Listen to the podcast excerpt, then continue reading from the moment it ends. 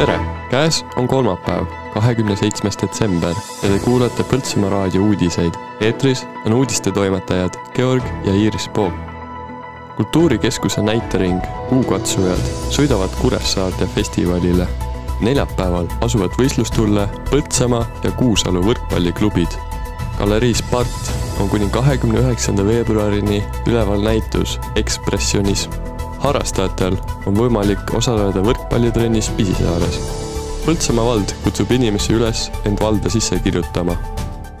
Põltsamaa kultuurikeskuse näitering Kuukatsujad osalevad viiendast seitsmenda jaanuarini kaheksateistkümnendal Harrastusteatrite riigifestivalil Kuressaares, räägib lavastaja Keiu Kess. viies kuni seitsmes ja viienda õhtul Kuressaare teatris ja, ja siis valitakse videode põhjal programm kokku ja siis üle aasta nagu see oli iga aasta, oleme varem ka osalenud. see on meie etendus Jean Marchand publikule keelatud. Põltsamaa võrkpalliklubi naiste teine kodumäng Kuusalu võrkpalliklubi vastu toimub neljapäeval kell üheksateist kolmkümmend Põltsamaa Felix hallis. pealtvaatamine on huvilistele tasuta. tule ela Põltsamaa sportlastele kaasa lossihoovis asuvas Partgaleriis on võimalik kuni kahekümne üheksanda veebruarini külastada kunstikooli õpilaste sügissemestri näitust Ekspressionism. kommentaari ütles sekka õpilaste juhataja Kerli Räni. see oli siis äh, sügissemestri teema, siis äh, tähendab niisuguseid tundeid ja väljendusviise, näitusel on esindatud mudilasring, kunstiring ja siis kursuslased õpetajateks on ikka Lea Malin, Katrin Tamm-Kuusik, Eetel Akkaja ja siis mina. värvikas ja hea vibe. graafik on ka Eduard Viiralti oma. sügisel uuriti, kas valla meestel on huvi harrastajate võrkpallitreeningute vastu. nüüdseks on leitud treener ja otsitakse mängijaid.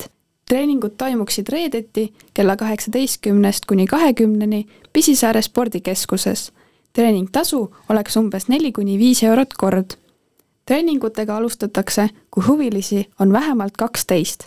registreerumise link on Põltsamaa valla Facebooki lehel ja ka kodulehel. kahe tuhande kahekümne neljandal aastal laekuvate maksude aluseks on rahvastikuregistri andmed kahe tuhande kahekümne kolmanda aasta kolmekümne esimese detsembri seisuga kõikide inimeste palgatulult, kes aastavahetuseks on ametlikult valla elanikud, laekub järgmise aasta jooksul osa tulumaksust valla eelarvesse.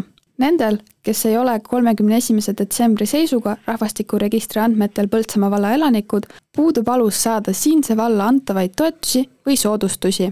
lisaks aitab sissekirjutamine vallal planeerida vajalikke lasteaia- ja koolikohti, tagada teehooldus ning avalike hoonete korrasolekut. lisainfot saab valla kodulehelt poltsamaa.ee kaldkriips elama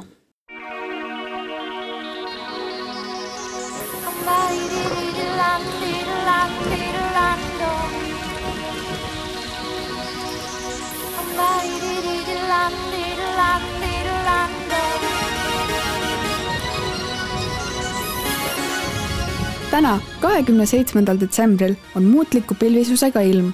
Mitmel pool sajab päeva jooksul lund, saartel ka vihma või lörtsi.